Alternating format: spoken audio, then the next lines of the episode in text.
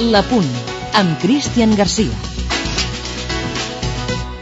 No sé si divendres passat hi va haver o no sanció, si tota la plantilla va passar per caixa per pagar la multa de 500 euros que li corresponia a cadascun dels jugadors per arribar 5 minuts tard a l'entrenament, o si Guardiola, tenint en compte que era la primera vegada que això passava, els hi va perdonar amb el compromís que es deixessin l'ànima, la pell i els, i els cordons.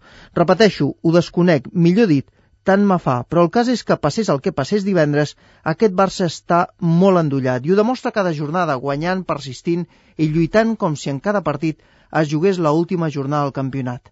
És la mateixa filosofia de l'any passat, ep, eh, que ningú es confongui, de l'any passat al Ministadi, perquè la temporada passada el Barça Atlètic seguia el mateix model, treballava amb la mateixa intensitat i estudiava amb el mateix interès que ho fa ara les jugades d'estratègia pilota parada. Així és Guardiola i així juga ara el Barça.